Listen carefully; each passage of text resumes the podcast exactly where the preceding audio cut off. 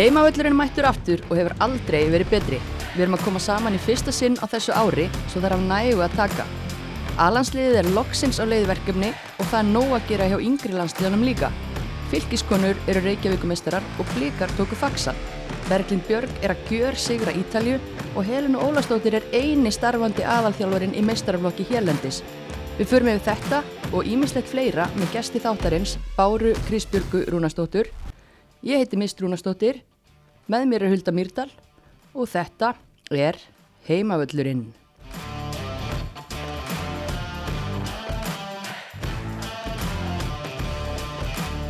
Bára, kannski bara byrja á því. Þú varst að koma heim frá Írlandi og varst með U17 landslinn okkar í verkefni. Já, passar. Einhver flugþreita í koninni? Nei, nei, það er farið. Já, Það er málum. örstutt. Já, það var nú ekki langt flug. Er ekki Nei. gott samt að sjá okkur aftur? Það er bara, æðislegt, búin að sakna eitthvað mikið. Já, sum leiði sko. En hvað, hérna, liði spilaði tvo vináttuleiki við Íra, Já, gera jafntefli en báðum, hvernig Mhm. svona var þetta? um, við vorum, myndi ég segja, ekki upp á okkar besta í þessum leikjum. Mér fannst fyrri leikurinn heilt yfir bara ekkert spes um, og fyrri háluleikurinn setni var ekki náðu sterkur og svo var sko setni háluleikur setni leiknum frábær. Ok, Þannig að hérna kablaskipt. Þetta var svolítið kaplaskipt og um, Írarnir voru sterkari en þar hafa verið. Einmitt, það var fyrir bara nánast léttu árið, þá komu Írarnir hingað, spiluðu tvo leiki, en þeir unnust báði nokkuð örglega, sérst Ísland vinnu þá. Hva, Uh, já. af hverju, hérna, eru Um, Írarnir að styrkja sig, eru við eitthvað slugsta? Uh, nei, veistu, ég held að þetta hafi bara verið um, hvað segja, einn af þessu leikjum eða eitthvað svo leiðis, þú veist, bæði skiptin bara uh, hérna kannski skrítið að segja reynsluleysi eða þú veist, maður veit ekki alveg að fara í svona leiki og þetta er náttúrulega undirbúningur fyrir millirriðlega en Írarnir, þú veist, það má ekki taka það þeim, þær voru miklu, miklu sterkari enn í fyrra en við hefðum átt að gera betur. En eins og ég segi, þú veist, ljósið í þessu að það setni hálfleikurinn þannig að þú veist, við veitum að þetta er ekki það að við séum að slakast, heldur er þetta eitthvað annað. Bara þú veist að finna réttu blöndina Þú nefnir einmitt að næsta verkefni er milliriðill, þetta er hérna, æfingaverkefni fyrir það, milliriðill í Ungverjalandi eftir mánuð, já, uh, mótherjar rússar, ungverjar og rúmenar. Hvernig svona metturu möguleika Íslands fyrir það verkefni? um, mitt mat er náttúrulega það er eiga mögulega að fara upp. En veist, það gengur ekki að eiga leik eins og við áttum úti. Um, það er þurfa að hérna stíga aðeins upp til þess að klára það en þær geta það sko. Og ég held að við séum með sterkara lið en þessar þjóðir hilt yfir. Þannig að ef allt væri rétt að þá ætti að vera að klára hann á milliriðil Þetta verður spennandi, já. efnilegt lið sem við eigum. Já, mjög. Og bara ótrúlega margar frambarilegar stelpur þarna og nokkrar sem ég var að sjá svona fyrir alveg í stórum leikjum í fyrst skipti og bara mjög gaman. Það hendi ykkur nöfn, eitthvað svo leiðis hver, eða? ég- hver, hver, uh, hvað á ég að segja? Hver er þín, ekki uppáhalds, hver kom þér mest á óvart þarna? Um, mest á óvart, ég eiginlega, ég vil ekki nefna neinn nöfn, það, það voru nokkrar sem ég þekkti bara ekki nóg vel. Kottu með það? Nei, ég ætla bara, ég ætla að hafa bara passíft í bili en það Ok, voru nokkrar þarna sem ég, þú veist, eh, tvær, þrjár sem ég hafði ekki síðan spila mikið og, þú veist, og hérna þannig að maður fór svolítið, það er út öðru síðu og veist kannski ekki mikið um leikmann og horfir á hann og þá metur hann Mhm. alveg frá bara, veist, engum öðrum skilabóðum, þannig að það var mjög áhugavert en ég ætla að halda nöfnum fyrir mig. Já, geymur það í hjartanniðinu. Já, já, hjartanniðinu minni. Já. En hérna, eigum við að dundra okkur heim. Endilega. Það er náttúrulega besta undirbúinistímabili í heimi hérna á Íslandi gangi. Er ekki sammála um það? Lágt, strámt og indislegt. Já, indislegt. En þá kemur ekkert annað til greina en hérna, við ætlum að fjalla um vetramótin í samstarfi við Dominos. En þeir hafa náttúrulega verið stærstir og bestir síðan allavega ég mann eftir mér. Og Dominos er stoltur styrtaraðli heimavallarins. Og við setjum hérna jafnla megaviku, stelpur. það var ekki leiðilegt að koma þegar ég kom með matinn í kvöld. Nei, þetta er besta vika, hvað, ás fjórungsins? Já, já. En hérna fylgir eru reykjavíkumeistarar, stelpur. Já, er það ekki svolítið óvænt kannski. Jú, þú veist, það er vinna alla sína leiki með markatölunar 16-1 Eina marki sem það fá á sér sjálfsmark. mm en þetta er náttúrulega frekar spennandi lið hjá fylki þær eru búin að fá þarna alveg tonn af ungum og eh, ungum, jú, U19 stelpum eins og Íris og Köllu Tvíburan og Everud frá Háka Víking. Já. og hérna já, Það er allir búin að koma mjög vel inn í þetta.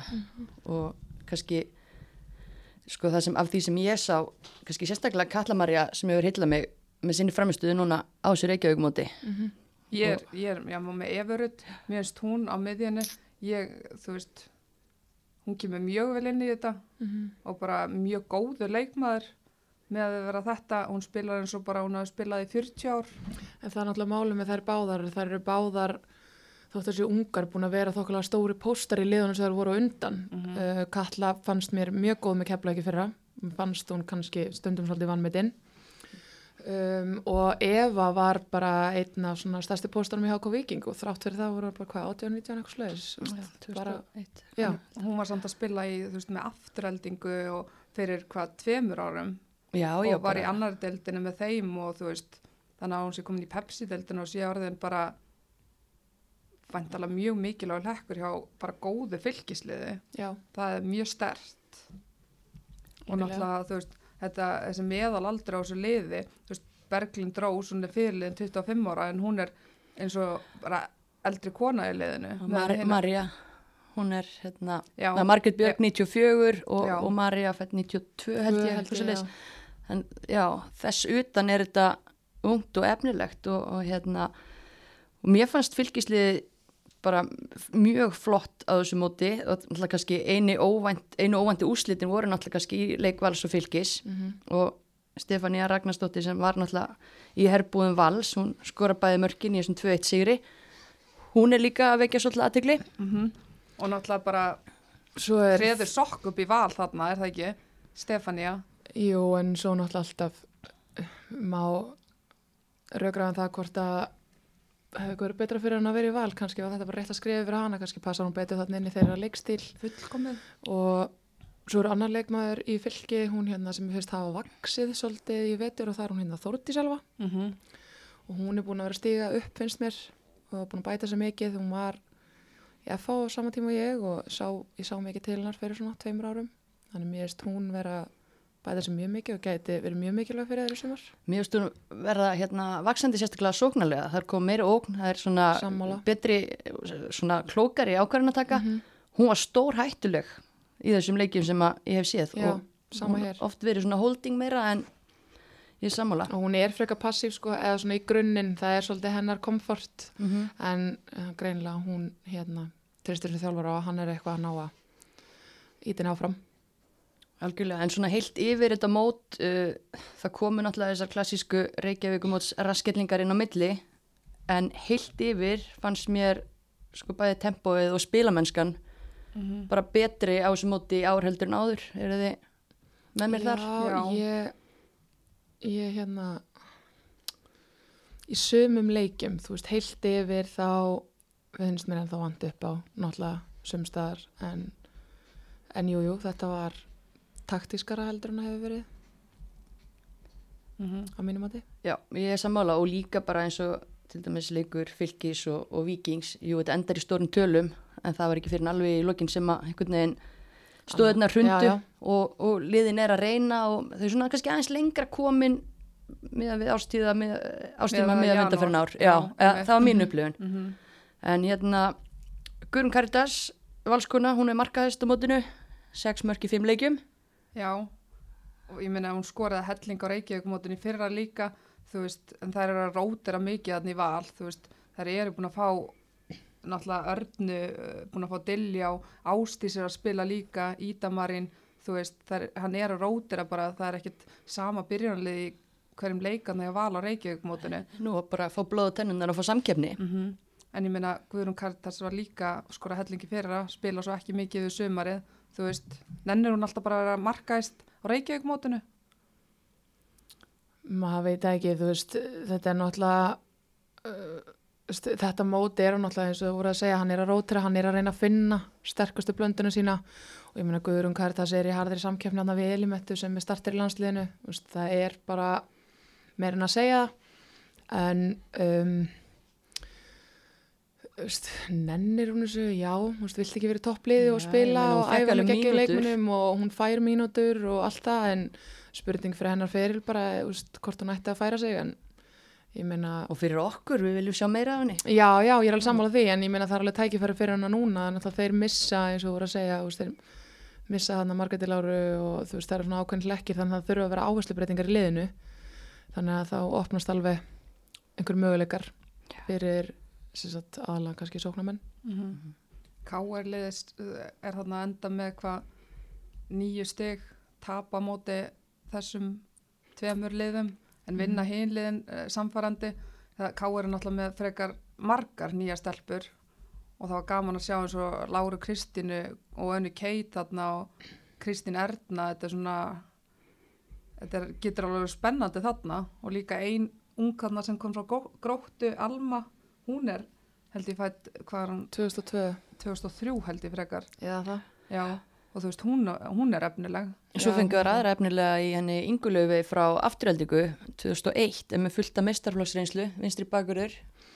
En Þannig að- K.R. liði sko mínu mati það sem ég sá þeim þær eru með rosalega vel mannað liði núna og voru þær eru með í fyrra líka sterkara núna samt að mínu mati og mér finnst þjálfara teimi spennandi en mér finnst vanta um, svona aðeins meira direkt í framlínuna. Mm -hmm.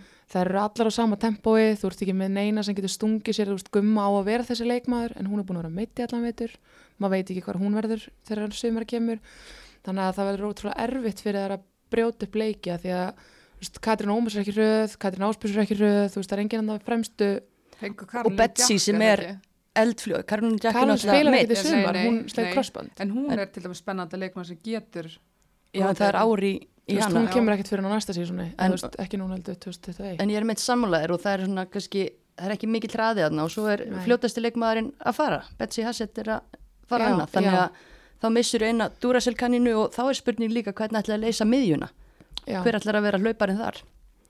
Já, þeir eru með nokkra spennandi, eða spennandi, þeir eru alveg með nokkra leikmenn sem geta leist það, þú veist, Þórdís getur leist miðjustöðu og það er alveg, þú veist, það er alveg leikmenn sem geta leist það innan liðsins en, þú veist, eins og ef ég horfi hópi núna þá sé ég fyrir mig svona að þetta getur verið frábært possession lið, Mm.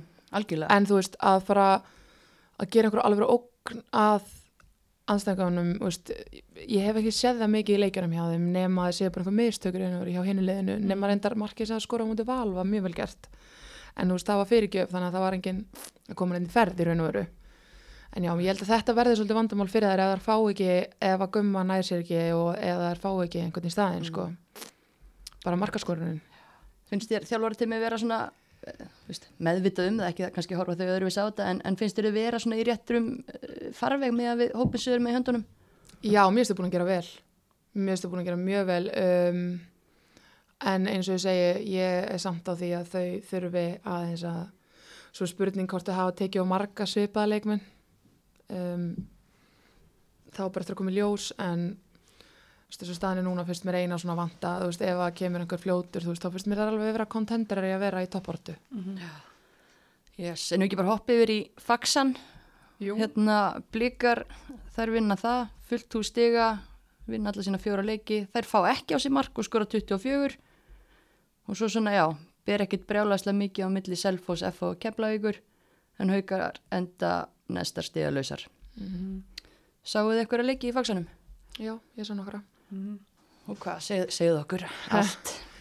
um, sko mm, við horfum bara veist, keflaðið og haukar náttúrulega ekki að fara að vera í pepsi-dildinni og það sást, mér fannst það alveg sjást í flestum þessu leikjum að það væri munur milli hinn að þryggja og þeirra um, bjósti meira af selfos á þessum tímapunkti Mhm. mér fannst það ekki vera jafn sterkar og ég átti vona á þessum tíma F-fáingarnir mér finnst ennþá eins og vanti aðeins í það lið. Þetta er ennþá ungt lið og þeir eru ekki búin að bæta mikið við sig. Tve, tveir hann að og reyndur að fá varnamann núna. Já, bandarískan, ungan ekki- varnamann. sem veit ekkert hvernig er en hérna ég held að það hafi verið stert fyrir þær bara líka til að auka samkeppnin að liðinu, þú veist, hópurinn er þunnur.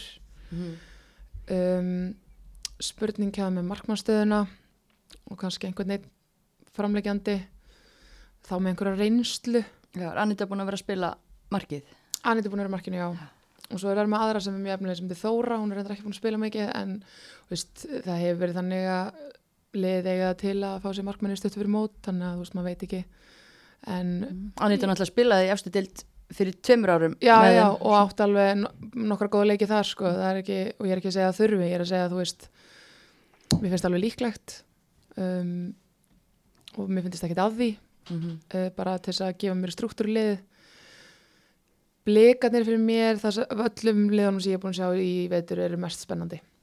Líka bara það er ekkit að veikjast að það er, þú veist, er að fá Hafrun og Rakel, Rakel Hannu Svendísi og Vigdís frá þarna tindastóli hefur verið að spila.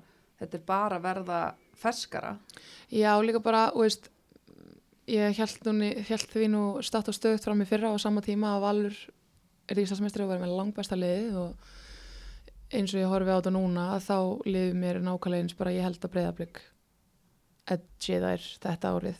Já, um, mér finnst þær að vera að spila mjög skemmtilega bolta náttúrulega fengu sterkar leikmenn og eru gaman að segja hvernig Sveindís kemur inn í þetta. Nú, hún byrjaði að skora strax á undirbúnsmótinu Já, já, já, já ég, um, en að sjá hana kannski svona konsistant í leikjum með góðum leikmönnum og allt þetta sko, þú veist, hún er alltaf búin að vera í kannski, fötri verið einhverju keplæk svona liði sem hún er kannski ekki að fá að þróast á þann hátt sem hún þarf sko, að því að svo þegar hún er landslýsverkefnum þá er hún eins og allt annað leikmaður, að því það er allir einhvern veginn á hennar leveli. Þannig að hann að æfa með góðum leikmönnum hverjum einasta degi. Já, já, ég, ég hérna já, ég held bara blikarnir líka bara ég held að hafi farið ítlegar að tapa þessu í sumar.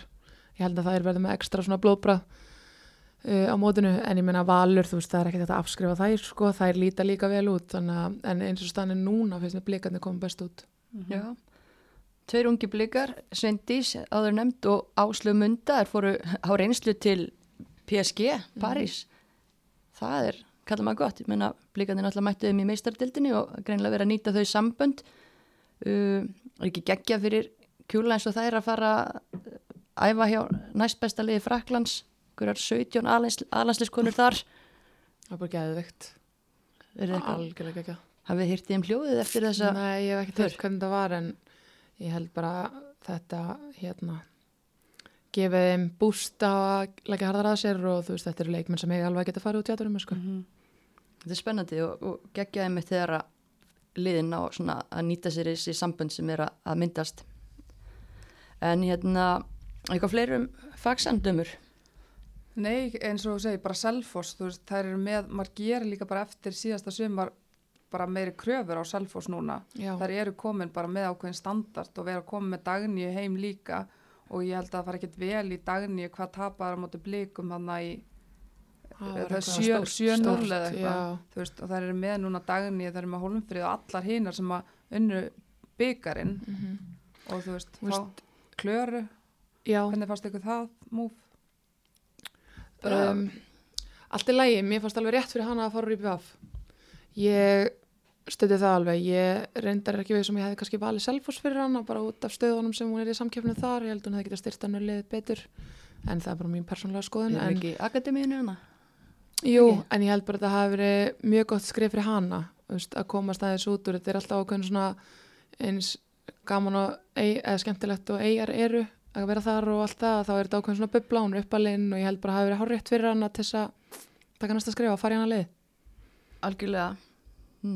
að. Hmm. Selfoss konar með markmann eða ekki? Eitthvað svakalan markmann sem er að Já, að þú veist, ég bara, ég skil, mér fannst það bara virka þegar ég sá þar, bara ekki nógu fitt, eh, bara pínu þess að það nefntum sér ekki, ég var eiginlega bara fast að skrítið.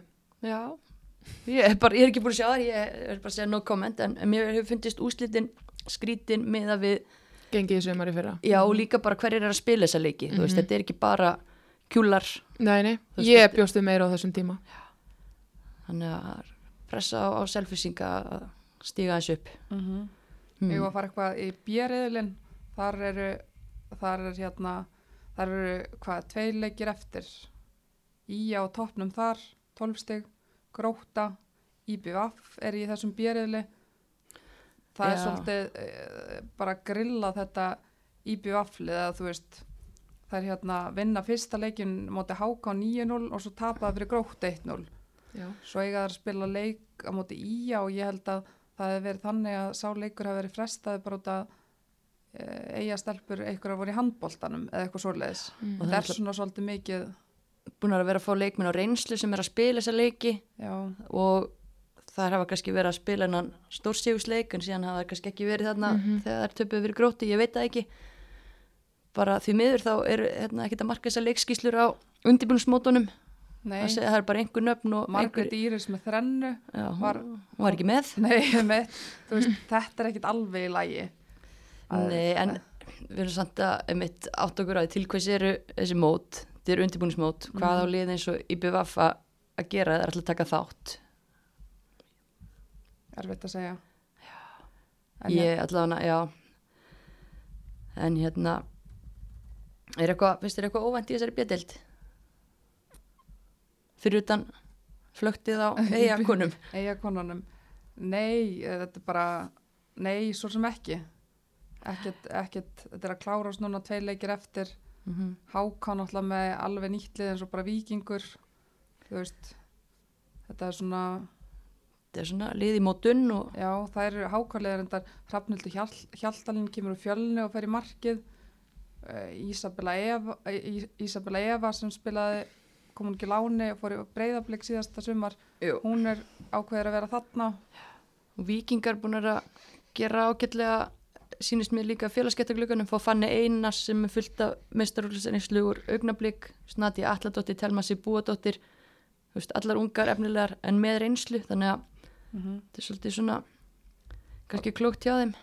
En já, þetta gaman. En svo er náttúrulega bara lengjan kannski mótið sem að segir okkur Það verið að dæmdar af. meira, já, hún er byrjuð aðriðlinn en B.O.C. byrjar ekkit fyrir en bara, Mm já, eitthvað ekki alveg Nei, þá, það þá förum við svona, verðum aðeins harðari e, gaggrinendur.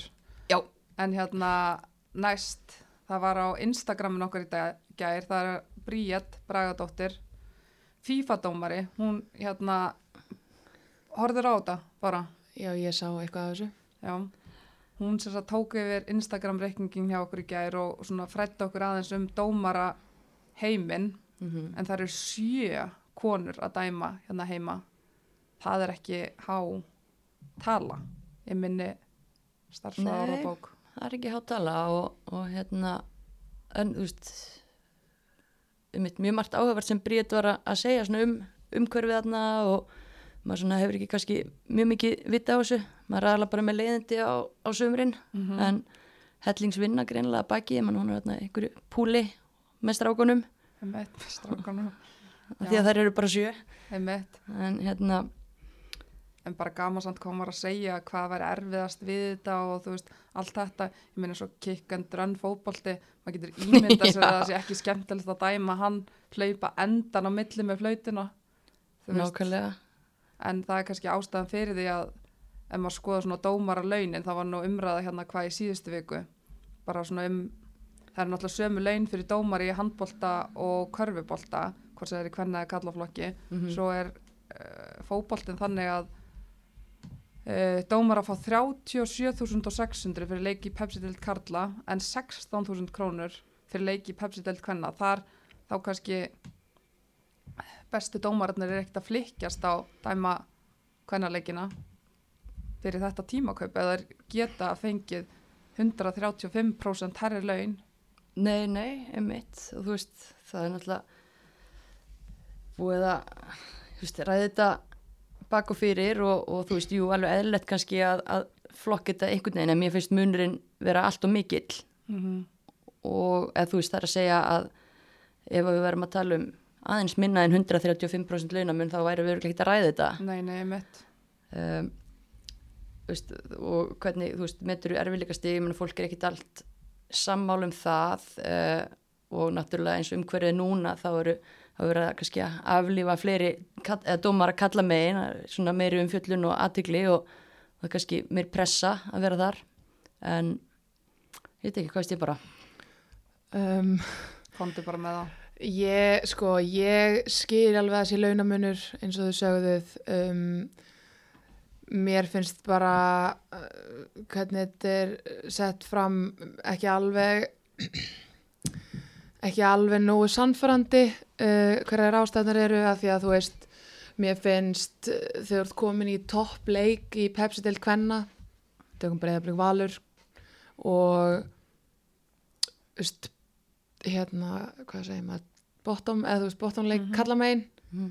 það getur ekki verið að það sé miklu erfiðar að, að veist, launin að því að þú veist mér finnst að bytna of mikið á stórum úrslitum mm Mhm. kvennamegin að það séu ekki kannski okkar bestu dómarar Já. og mér finnst það sérst allt og mikið og ég meina bara síðast í fyrra þá uh, var rángstöðumark sem gerði jafntefli Já, í, ríðum, já, bara, já, sem þú veist er bara ótrúlega blóðugt. Og, Og ég meina ekki það, að þú veist, dómarar þurfa að fá reynslu og allt það, en þú veist, setið þá í neðri deildina kalla megin og setið á svo eða neðri deild kalla og kvenna. Mhm. látið að fá reynslu þar en þú veist, við svona megnið af Pepsi-deildinu, svona leikina sem að fyrirfram að veita eru svolítið sterkir uh, þú veist, kannski helmingin eða eitthvað, þá þarf bara miklu færari dómara heldur en við höfum verið að sjá með bara, ég gerir mig grein fyrir það er erfitt að dæma og með fullri virðingu fyrir dómurum Það er veit að fá dómar líka. Já, já, já, en það er ekki að réttlega þetta svona að því að myrna, dómararnir kalla megin er ofta drull upp á bak líka sko.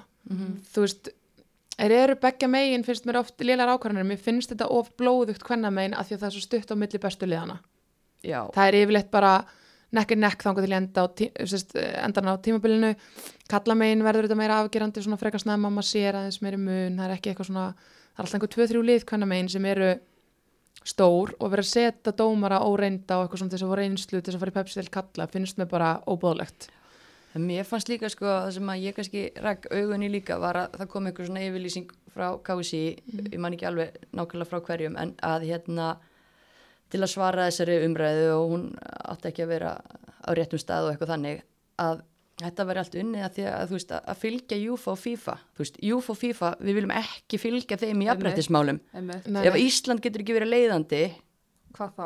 hvað þá, þú veist JUFA og FIFA, þetta eru mestu bara kallrembu hérna batteri ever, Já, sérstaklega FIFA þannig að bara please eh, við erum ekki að fara með okkur við, nei, nei. við þau batteri Nei, en ég meina eins og þau gerðu þegar það kom peningar fyrir hvert leik og þetta, ég meina þá er KSI bara að setja fordæmi þarna að gefa sömu upphæðir fyrir landslistelpunar og strákana, af hverju er ekki hægt að sína bara fordæmi þarna líka? Og við erum ekki að með okkur við þá nágrannlöndin sem eru með þetta bara svona og, og við stígum aðeins upp bara. Ég held þetta snúist náttúrulega líka að einhverju leiti um það að það er vesen að fá dómara í þessi verkefni. Það, veist, og En ef það er betur borgað, þá, uh, þú veist, Já, en þú veist, það er líka skilur hvernig þetta er svo rankað út af við og hvað kemur þeim áfram minna hjá UFO, FIFA og eitthvað svona, sko, þetta er, er, ég er ekki að segja þessi lægi, en ég er að segja að það eru nokkrir þættir inn í þessu sem snú ekki bara launum. Um, og bara heilt yfir í fótboltanum sem þið vitið og þú veist, þá er þetta fyrir eitthvað, hefur verið kallagt, þetta er að breytast, það er mörg skref allstaður, ég meina það er allt orðið betra á flestum stöðum en þú veist það er ekkert að stoppa þar og það er líka bara við erum að gera meiri kröfur á leikum en þá er svo ömurlegt ef að leikmenn er orðin betri, æfa meira, gera allt verða miklu betri og svo mæta dómarar sem eru bara nokkrum skrifum eftir á, þá Já. hvernig á leikurinn að vera betri veist, mér finnst það að nota neðri deildirnar kalla á hvernig Já. megin uh, til þess að æfa sig fyrir báðar pepsi-deildirnar ekki dæma fyrst í pepsi-deild hvernig og svo fyrst til kalla eða þú veist Mhm. um, þannig að en ég meina það gerist ekkert nema að dómararnir sjálfur hafa þetta að segja og þau voru alltaf að segja hvað eru sjökonur mm -hmm. Bríett kannski eina sem er að dæma einhverja stóru leiki. Já, og þær hafa náttúrulega alveg verið að dæma hjá köllum. En Rún, Rúna er hérna FIFA aðstóðardómari og hún hefur verið á línunni Já, ég meina það af erlendum konum kvenkins dómurum sem dæma kallabolta sko. Já, já, Þannig en þú veist, það er, þú veist, annar vingil svo er fólk að tala um að þetta er ekki kynjamessirti að því að konum með alveg dæma hjá köllum Jú, en, þú þetta er veist, kynja misviti auðvitað, bara, þú veist að einhverju leiti en hérna rand over eða viltu bæta við þetta eða það síður að þér Nei, ég... Er þetta pepperónið sem brennur? Ég, ég er alveg mínus jalapeno. Nei, hérna, eigum við ekki bara að skella okkur í, hérna, hver, hvert eigum við að fara? ég veit ekki, við hérna, tiplum aðeins á félagskiptum áðan er eitthvað svona sem að eitthvað dettur í hug sem einhver hefur fundist ekstra spennandi núna? Nei, ekki nýlega, ekki... Á ég að ríða vaðið það? Já, Já. hvað er það? Hérna, neða, því við vorum nú að ræða IPVAF, það veist mér mjög ánægilegt að markverðurinn Auður Skeving sem að hefur verið unglíklandslískona, var markmaður í val, að hún er sett, komin á láni til IPVAF og ágreinilega að fá tækifæri þar. Mm Er ekki komið tími á að sjá hana í meistarflokks startingbolta? Fyrir löngu. bara geggjað. Þetta sé frábært fyrir hana, bara akkur það sem hún þarf, hún þarf leiki. Já, Hún er efnileg og þú veist, má ekki stoppa þar. nákvæmlega og, og Cecilia sló í gegn í, í fyrra og þá bara eðlilegt að auður takki slæði núna og, og hérna áttir að standa sig mjög vel held ég. Mm En svo er svolítið áhugavert með IPVAF, ég held að sé komnir einhverjir 7-8 erlendi leikmenn og það náttúrulega er að því að það er erfitt að fá íslenska leikmenn til eiga. Og þeir eru búin að fá auði og svo Kristjánu Sigurs sem er líka unglingalæsliskona, hún er komin á láni frá bliku með augnablík. Þannig að ég er bara svona pæli liðst uppstillingu, lánastelpunar eiga vantilega að starta og erlendu leikmenninni líka. Þá ertu kannski með bara 1, 2, 3 pláss eftir náttúrulega margar farnar þaðan sín í fyrra Einhver átta leikmenn held ég. En við erum samt með stelpur eins og úst, ungar efnilegar, Ragnar Sara Magnúsdóttir Helena Jónsdóttir, þær þurfa að fá leiki. Mm Júlíana Sveins spilaði stórt hlutverk. Uh, já, Margrét Íris Þóra Björg spilaði slatta líka. Erum við, hva, hvernig sjáu þið uppstillingu eiga hvernig fyrir ykkur? Það er ómögulegt, maður veit ekkert hvernig þessir útlendingar sem eru að fá láni eru eða fá til eiga eru. Um, ég held að það er ómögulegt að fara að skjóta okkur uppstillingu en þetta hefur, þetta er ekki til fyrsta skipti sem að ég menn þurfa að fara út fyrir landið sko. Þetta Leita er, þetta er bölvað vesen af því að þau eru, það eru það fáar í eigum og svo núna missa þær, þú veist, mistu þær núna svolítið síðasta sumar og svo fer Klara og þú veist, ég held bara ég held bara að þau hafi þurft á þess að halda þess að halda út í hóp bara æfingahóp. ég held bara að annars væri þau ekki með leikmenn í það með við fjöldan sem farin sko. Algjörlega, en þetta er helviti söguverkur mér fannst Já. svona á tímabili vera að koma inn svona smá stability hérna vandi leikmannahóp en það er einhvern veginn já, bara allt brand new aftur. Þannig að þurfum að hafa áhyggjur af eigakonum, það voru í brasi sérstaklega eftir að Chloe fór síðasta sumar. Ég held að við verðum bara að kíkja til eiga mist og kíkja á þetta. ekki láta þær koma til okkar Lettneska, lettneska lestin. Hvað er það þrjár frá Lettlandi? Hvað er svo... Uh, ég mani þetta ekki en ég hef heyrt allavega að, að þessi, þessi ein ung og virkilega flottur miðumæður hann frá Lettlandi, hún er bara, ég man ekki hvort hún sé 19 ára eða eitthvað en er orðin aðlagslis uh, leikmaður og það sé kannski svo sem við ættum að fylgast mest með fyrst allavega þá hann kemur ljós Vel, hvað hún heitir, nei, það er þetta er Það er góð, góð heimavenna mist. það ekki Var tíu stig frá okkur bári fyrir þetta, þannig punkt. En við ætlum að skella okkur í eh, landslið okkar en þau hjá Víta Sport, hjá Víta Ferðum, ætla að vera með okkur þegar kemur á landsliðinu.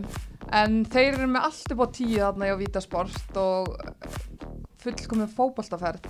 Það verður nú ekki leðilegt ef við þrjámyndum skella okkur í eina slíka um páskana. það var geggjað Að þau eru líka með Íslenska fótboltaskólan á Spáni fyrir krakka fætta 2004 til 2006. Ég var allan til að fermast aftur og læða þessari hugmynd svona að fermingagestunum mínum. já, því lítið æfintýri Æfa við topp aðstæður og pínatar á Spáni. Maður hefur nú komið þangað bara þú hefur örgulega farið í æfingarferð þangað. Já, ég fóð með annarflokkið minn hjá FA engaferðanga 2018 Þetta er draumur. Það er ekki ekki Topp aðstæður, topp þjálfarar, fullt af mat, spa, luxus. fullt af mat, flott þar, þar, þar var ég seld en hérna það hefur verið uppselt í þennan skóla frá því við fórum á stað árið 2016 þannig að en yes. hérna, það er næsta verkefni A-landsleis verkefni var farið að fara um eitthvað stelpur þegar var ekkert komið verkefni bara þannig í janúar? Nei, nei.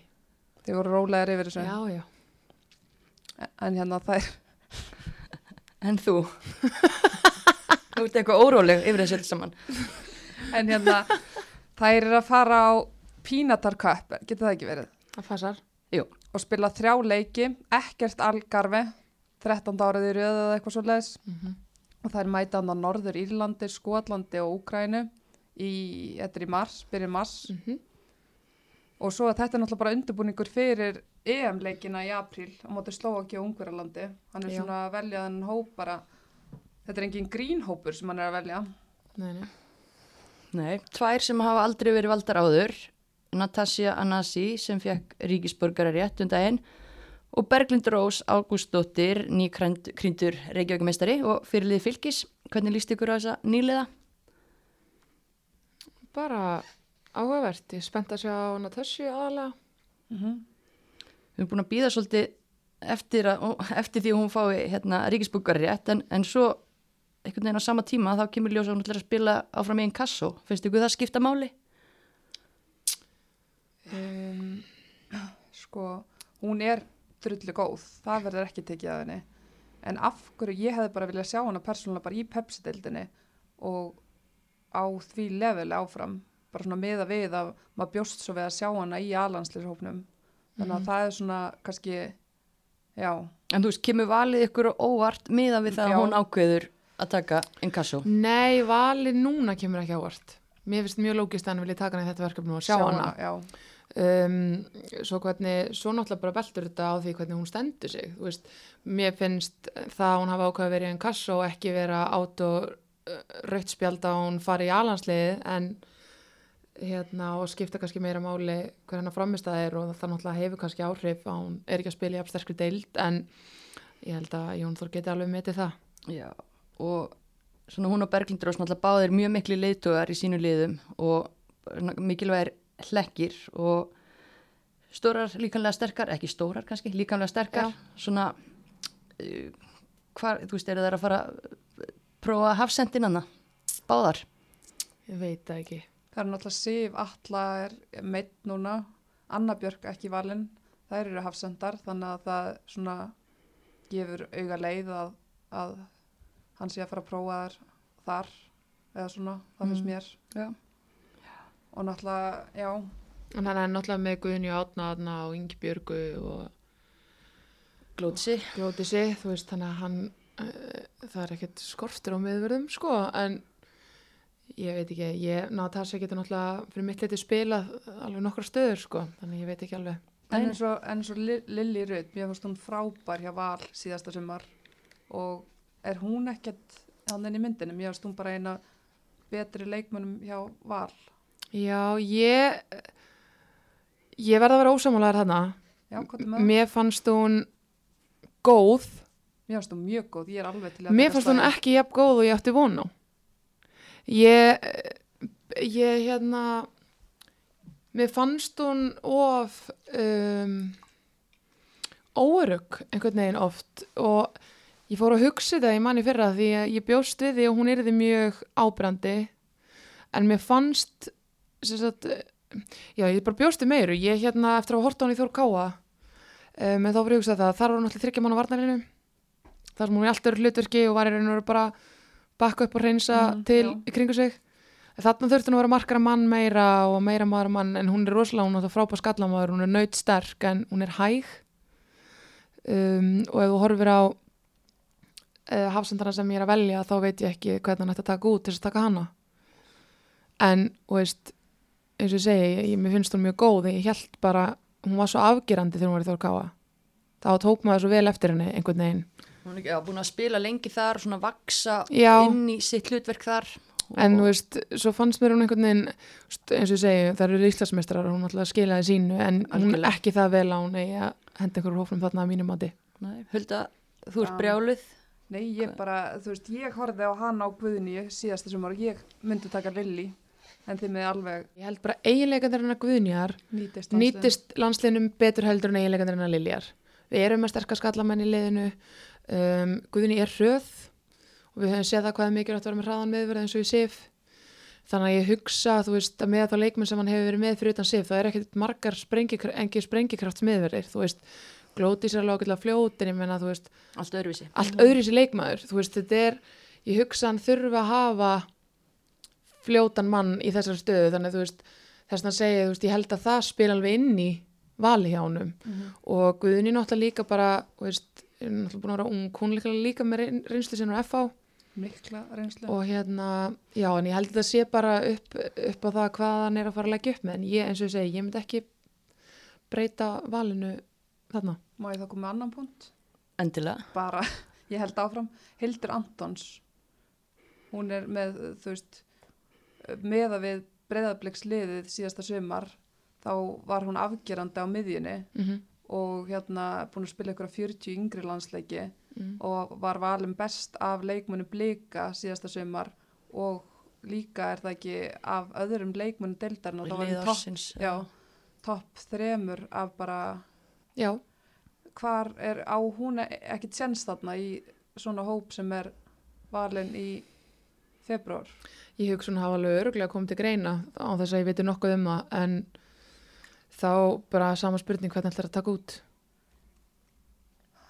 já, ég meina Sigriður Lára er þarna, hún hefur ekki verið í landsliðin í eitthvað tíma og hún mætir aftur. Nei, og þá spyr maður sig og horfir á miðumennina í hópnum og horfir á hverjar, hverjar eiginleikanir eru þar. Uh, þá er þetta allt vinnusami leikmenn, það eru allar líkanlega sterkar, það eru allar sterkar varnalega um, ert, við eigum fullt af skapandi miðmennum, Hildur Antons, Lára Kristín Peðisen, Katrin Ómas það er einhver ástæða fyrir að það eru ekki valdari landsliðið og ég held að það sé út á boltinin öðru í sig hraðin er annar vinnan er önnur þannig að þú þarfst að skila allt öðru í sig leik í landsleik heldur en hérna heima. Það er mitt mat, af því Já, að mér já. fannst Hildur frábæri fyrra Já. en hvaða miðjumann gætu við þá með teki hver, hvað miðjumann myndir þú taka sem skapandi miðjumann? Þegar þú ert með Sörubjörg, þú ert með Gunnild Irsu hver gæti verið þarna með þeim sem að er að skapa eitthvað? Fyrir mitt leit eins og staðin er í dag Alessandra Jóhans mm Sammála. já, um, þannig að þú veist ég eins og ég segi þú veist, við þurfum ekki fimm svoleiðis leikmenn sko, við þurfum frekar að hafa eina, tvær sem geta unni mikið en svo þurfum við að hafa einhvern smá x-faktor. Mhm. og ég held að okkar næsta svoleiði sé Alessandra. Já, hún kom náttúrulega mjög vel inn í þetta í síðasta já, já, og þú veist, hún er bara búin að vera vaksandi síðustu ár, bara mjög jaft og þjætt Mhm. þannig að ég held að eða fyrir mitt leiti þá er það þannig en ég meina ég var ótrúlega hrifin að hildi mér finnst ógislega gaman að horfa á hana alveg svo mér finnst ógislega gaman að horfa á Katrin Ómas en ég meina ég held að Katrin Ómas myndi ekki nýta stansliðinu á þann hátt sem maður myndi vilja. Nei, skiljið hvað ég við? Já, algjörlega. Já, já. Ég er bara, Við held ég bara alveg sammálaðir eins leiðilegt og það er. Pikk ekki fætin, en hérna, þá myndum við bara einmitt kalla Dórumari aftur. Já ég meina svoleiðis leikmaður mm já, ég skil hvað er þetta að fara með þessu. En Instagramið okkar logaði samt einmitt þegar að þú varpaði fram hver á að vera í hópnum, að það voru fleiri en, en færri sem að voru hissa og að Hildur Antons væri ekki þar. bara brjálaðir. Já, en hérna, svona er þetta, þetta er erfitt að velja og annað svona áhugavert, uh, U19 er náttúrulega að fara í milliriðil á sama tíma og tveir leikmenn sem að voru í aðlandslýshóp í haust, Áslugmynda og Karolína Lea, þær eru valdar í U19. Uh, hver er ykkar skoðun á því? Þetta er náttúrulega ég er ána með það bæði æfingaverkefni. ég er ána með það Já, þær spila allt annað hlutverki í 19. landsliðinu heldur en alhansliðinu og ég held að það sé bara sterkara fyrir þeirra þróun upp á framtíðana fyrir okkur upp á alhansliðið og það að þær fái unítjóleikina. Fáum fleiri mínútur, Huldi, ertu sammála því? já, þær eru þarna aðal konunnar og, og það er bara, já ekkert meir en það að segja þetta Nei. eru, þú veist, okkar sterkustu leikmenn þarna, Já. þannig að þú veist En svo er áhugavert líka, Cecilia Rán, Rúnastóttir, Markurður, hún er í báðum hópum. Þú eru búin að taka til því. ljósutana Þetta er náttúrulega bara næsti, næsti bara við, liðin er á svipuðum stað Já. Og bara þú getur kannski sagt okkur útfæsluna á þessu. hún hvað, Eh, tekur, Ég, Cecilia fer í eitt verkefni með alhansliðinu og fer svo yfir til U19.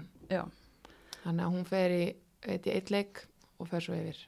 það er mitt búið að vera svolítið að ræða það, veist, hvað er gott fyrir hana, á hún að vera á bekk í A, alveg svo með hinn að tvær sem hún nefna, á hún að vera að spila U19. Þú veist, þetta er svolítið skrítið að vera í tveimu verkunum á sama tíma. Þetta er það, en, eins og þú segir, þá er þetta nálægt og að því dræfingar og þú veist, samstarfið þeirra á milli, þetta er náttúrulega bara, ég held að þeir séu reyna að gera það sem er best fyrir stelpunar.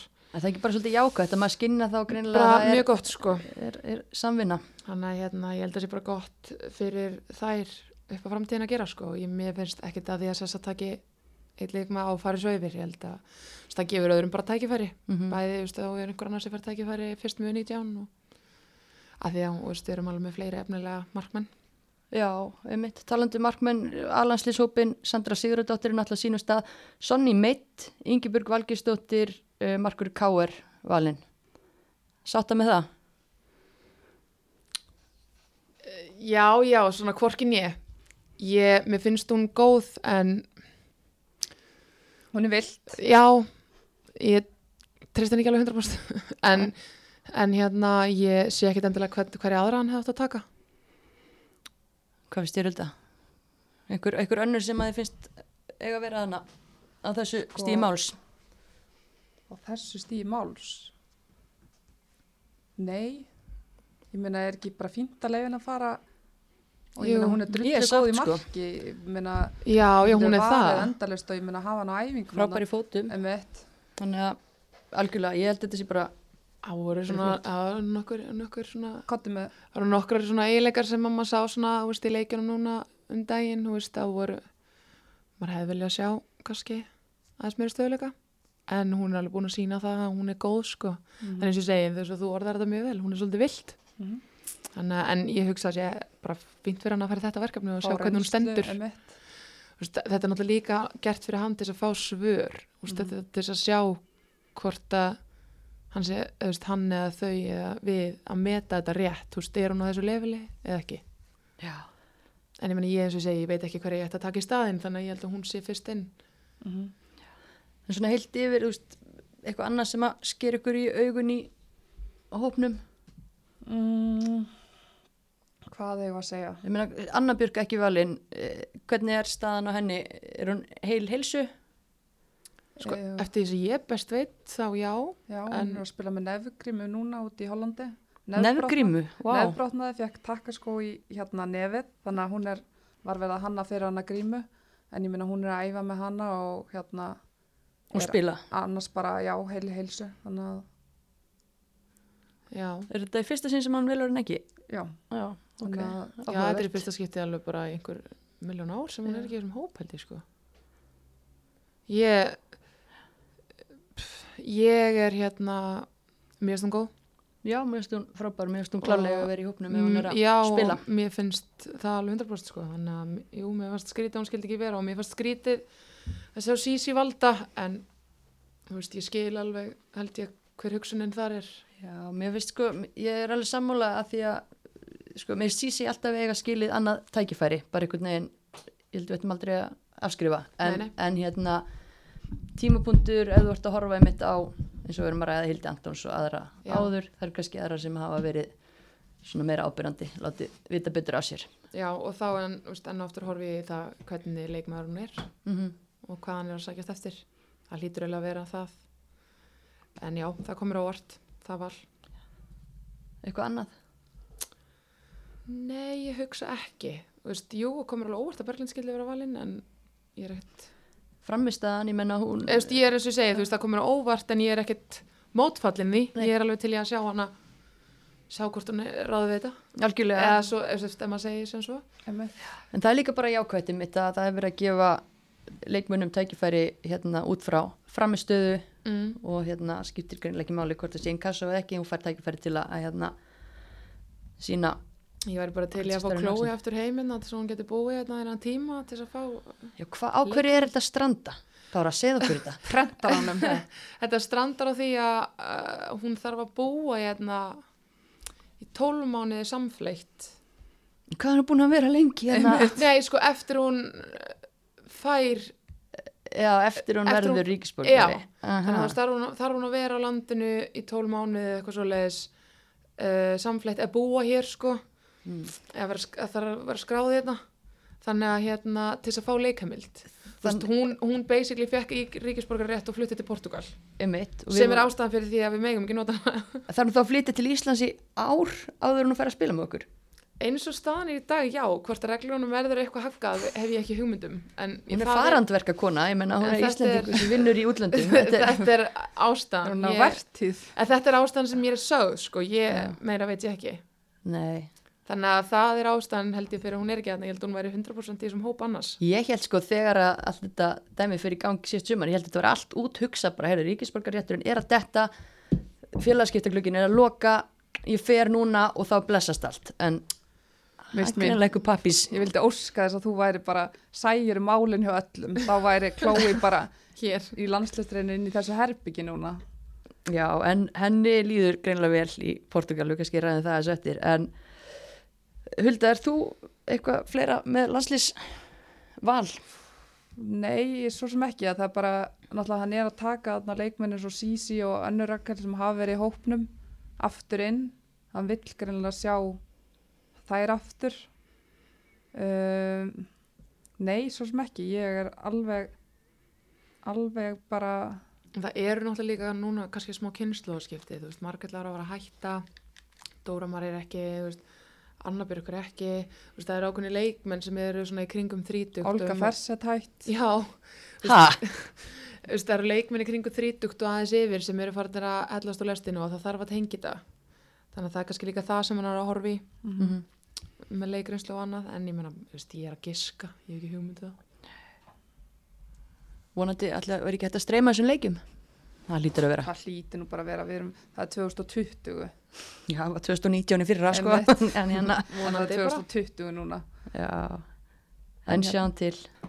En svo er annað úr landsliðinu yfir í annað sem hefur verið í umræðinni uh, ekkert sem kemur okkur þremur og óvart og kannski ekki mörgum hérna hörðustu aðdándum heima allir eins en það er bara ein kona sem starfa sem aðalþjálfari í meistaraflokki á Íslandi Helin Ólafsdóttir.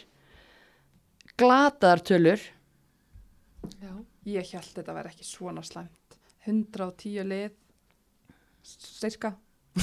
hérna, og Helena svo eina, ég meina við erum með aðstofþjálfara, þú veist á að tala um, já, aðalþjálfara. Já, aðalþjálfara og svo náttúrulega Anita Lísa, Guðrún Jóna, Edda Garðars, fleiri sem eru aðstóð í mm Mhm. meistarflokki, Margit Magnús og, og eitthvað, en hérna, e, þú veist, þetta er hundfúlt. Til glatað. já, þetta er hundfúlt, já. Þetta er náttúrulega uh, ættu fleiri að vera og ég meina það hafa fleiri konur verið síðustu ár. Um, ég meina voru fleiri fyrra. Um, ég veit ekki hver ástæðan fyrir þess er. Nei, þú veist, Ragnar Lóa var spurð að þessu í viðtali um daginn og henni brá, hún er náttúrulega eina af þessum sem er aðstóðar þjálfari og hún sagði sjálf ekkert hafa áhuga eins og máli stæði og vera aðal en hún talaði kannski um að þetta væri daldi kvennana að við værum kannski ekki að sækjast nú mikið eftir þessu eða værum með fleiri áhuga mál heldur en strákarnir sem hugsaðu bara um fótbolta En ég held, þú veist, þetta sé ekki bara það. Þetta er öruglega það að einhverju leiti, en þú veist, ég held að sé fullt af eða stelpum konum. Ég þekki fleiri konur sem hafa áhuga og hafa vilja, en svo eins og fótboltin er bara, þetta er svo lítið land að þetta er bara tengsl allstar og þetta er náttúrulega ennþá bara mjög kallægt þótt að sé ekki viljandi eitthvað kynja misrætti, þú, þú ferð bara í það sem þú þekkir, þú sækir það sem þú þekkir og um, þú veist, kallmenn sem eru meistarfólkstarar að hafa kannski veist, öðru sér tengingu inn í þetta heldur en konur.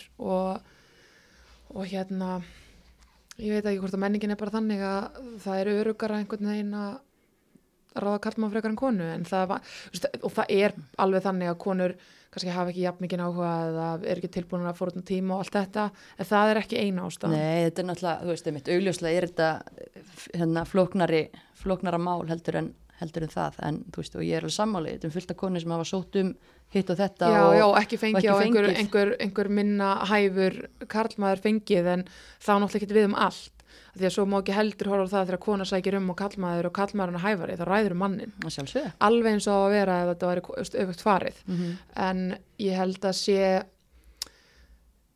veist, kannski eru konur líka bara hrættari við mistakast.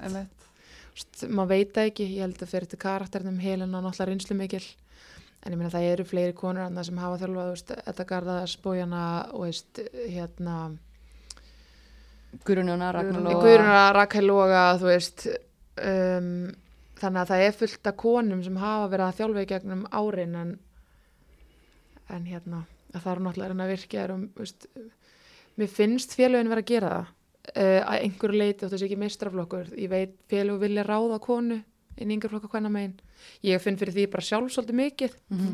stíl og hvers tímabils þá bara á þess að vera með eitthvað læti að þá fæ ég alveg fleiri tilbóð en ég kannski ósk eftir inn á borti mín og það er mjög stór partur að þú veist, þegar maður á fundi að þá er félagin, þú veist, við viljum hafa konu, viljum hafa kvenkisfyrirmynd og allt þetta Mhm.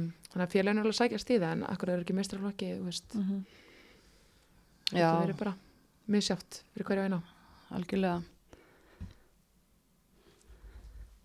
Þetta er sopna hulda mín. Nei.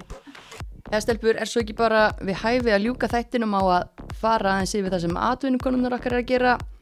Það er hekla bílaumbóð sem ætlar að bjóða upp á atvinnukvenna hornið og það er náttúrulega topp fólk þar með alla, allar bestu bifriðarnar. Já, má segja það og líka bara við að hæfi að þeir haldi utan á þetta hot þar sem við ætlum að fara yfir okkar bara bestu konur út í heimi. Já, byrja kannski á þeirri heitustu. Já, gerum það. Svo sem ekki getur hægt að skora á Ítalíu, Berglind Björg, fimm mörg í fimm leikjum með AC Milan. Það er ekkert að því. Nei. Nei. Og líka, ég meina AC Milan þar er í þriðja sæti núna, sex stigum á eftir Juventus þegar sjö leikir held ég er eftir. Jep, þetta er galopið. Mm Hún getur, þær eru að fara, hérna, hún skoraði hvað eitt mark í 4-0 sigri, síðasta fyrir núna hvað fimmtugum. Já, það var síðastu leikurinn sem spilaði. Mm -hmm. Sagði áður hún kom til Milan og hún ætlaði að skora meira en hérna, slata nokkur og hún er að rústa þeirri keppni. Hann er bara búin að setja tvær snuttur, hún með fúmf. Fúnf snuttur. Bara, já, hún er Vá. svo heitast að þarna á Ítalíu núna. Já, Slatan á ekki séns. hann á ekki séns. En já, hvað, keppnin í seri A líku 5. mæ þannig að Berglind missir að fyrstu þremur leikjum blika. Mm -hmm. Mætti svo sjóð heitt beint á og gerur græsið. Mm Aðrar, Andrea Mist Pálsdóttir, hún er hérna líka á Ítalíu. En það er í vesinu þar, það er á botnum með eitt stig. Já, hún stendur þar í ströngu með Orobíka. Mm Uh, hún var einmitt með yfirtöku á Instagramin okkar í síðustu viku. Já, Mjög gaman að sjá hérna inn í, inn í hennar atvinnu kvenna konu líf. já. Það þarf á skúrin á milli. Já, heima hjá sér. Já. Það var ekki, var ekki, skúra. hérna. Æfingarsvæður. Nei, þetta lúkkaði bara nokkuð vel. Já. Sástu þetta bara. Já, ég sá þetta En þetta er flott uh, æfingasvæði, þú veist, við erum að æfa þannig að grilla tvisar dag, flott aðstæða og hérna, það er eiga klálega tölfræðilega möguleika að bjarga sér og Já. Við erum ekki bara að vona það, það besta. Jó, hún vildi samt ekkit svara því hvort hún hérna myndi spila með Þór Káa í sumar þá þegar deildin er líkur en er ekki líklegt eða hvað? Nú, bara veit ég ekki. Fyrst hún vil ekki svara eða þá lítur hún að vera með eitthvað í pípunum sem maður veit ekki af Skulum virða, virða það við hann að vera ekki að í því. En- Uh, Þetta á deildin á Ítalíu en ef við förum, ef við fara til Þýskalands já, þar er okkar Volkswagen drottning landsliðsfyrliðin. Sara Björk hún var ekki með í síðasta leik þar spilaði við Hoffenheim bara núna fyrir nokkrum dögum hún er að glíma við nýjameðsli en það er unnu samt sem áður leikin 5-2 Og eru á toppnum, Já, eins og að vinna, vinna 13 og 14. mm -hmm. Sara búin að skora 5 mörg á tímabilinu, liðið mikið yfirbara lið. En hún er búin að gefa það út á náttúrulega hérna, færa sig um set eftir tímabilið. Við liðið giska á ég, líklegan, ég segi Barcelona þú segir Barsa.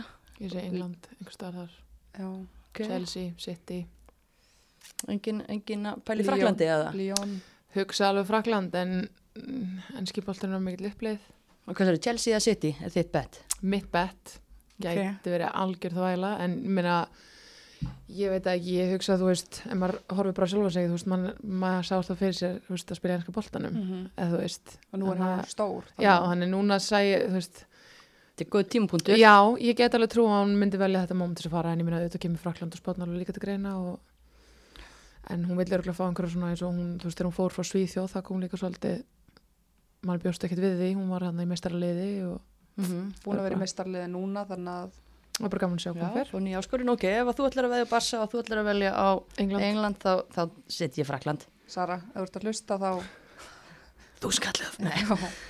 Um, önnur í Þýskalandi, Sandra Maria Jessen, hún er hérna bæja Leverkusen, það er í nýjunda sæti, 60 frá bótsæti.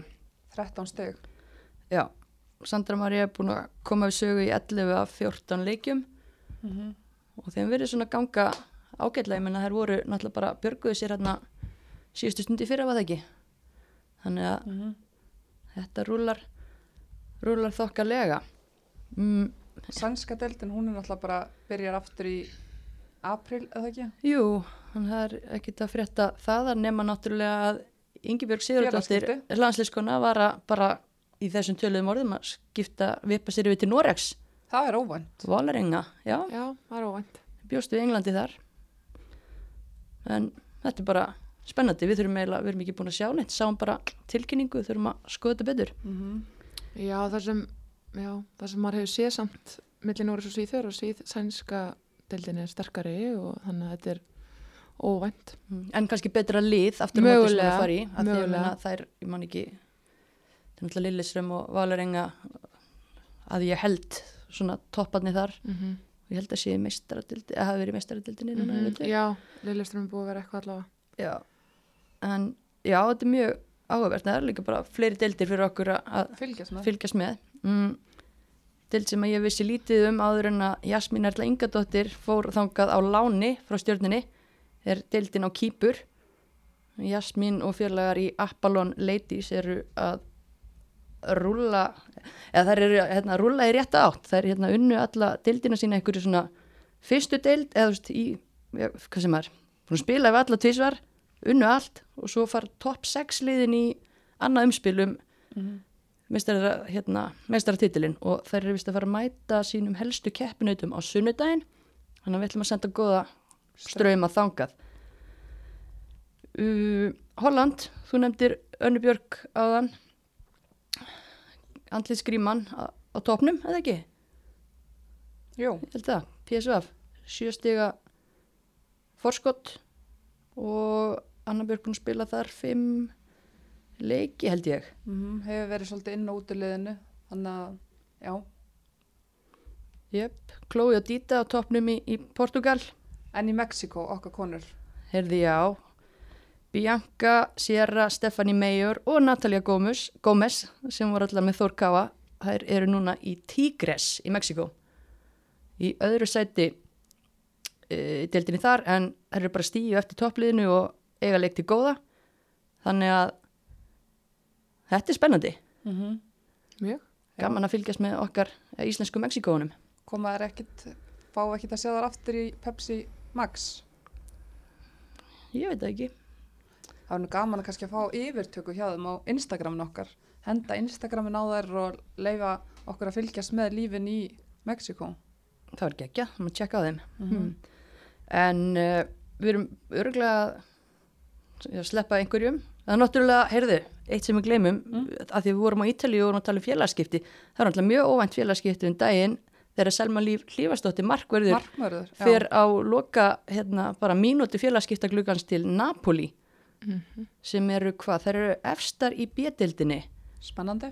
og það munar einmitt bara eitthvað mjög litlu á milli liða og hún er bara fara að klára móti með þeim það er bara geggjað, hún er náttúrulega ekkert verið mikið að spila núna síðustu ár síðast hjá haugum, efnilega stelpa spilaði unlingalansleiki og eitthvað. Hérna, það, það var svona. Mm mjög óvænt, þannig að nú hefur við fullt af konum á Ítalíu og út um allt. En er þetta ekki bara gott í byli ekki að láta staðan um hér? Jú, það bara, já, þökkum við þér Bára fyrir að koma og vera með okkur. Gestur upp á 10,20 eins og amma segir. og mig. já, þökkum Dominos Heklu og Vítaferðum og tökum auðvitað hlustendum okkar, er það ekki, fyrst og síðast. Jú. fyrir að vera með okkur og minnum ykkur á að fylgja heimavellinu að samfélagsmiðlum.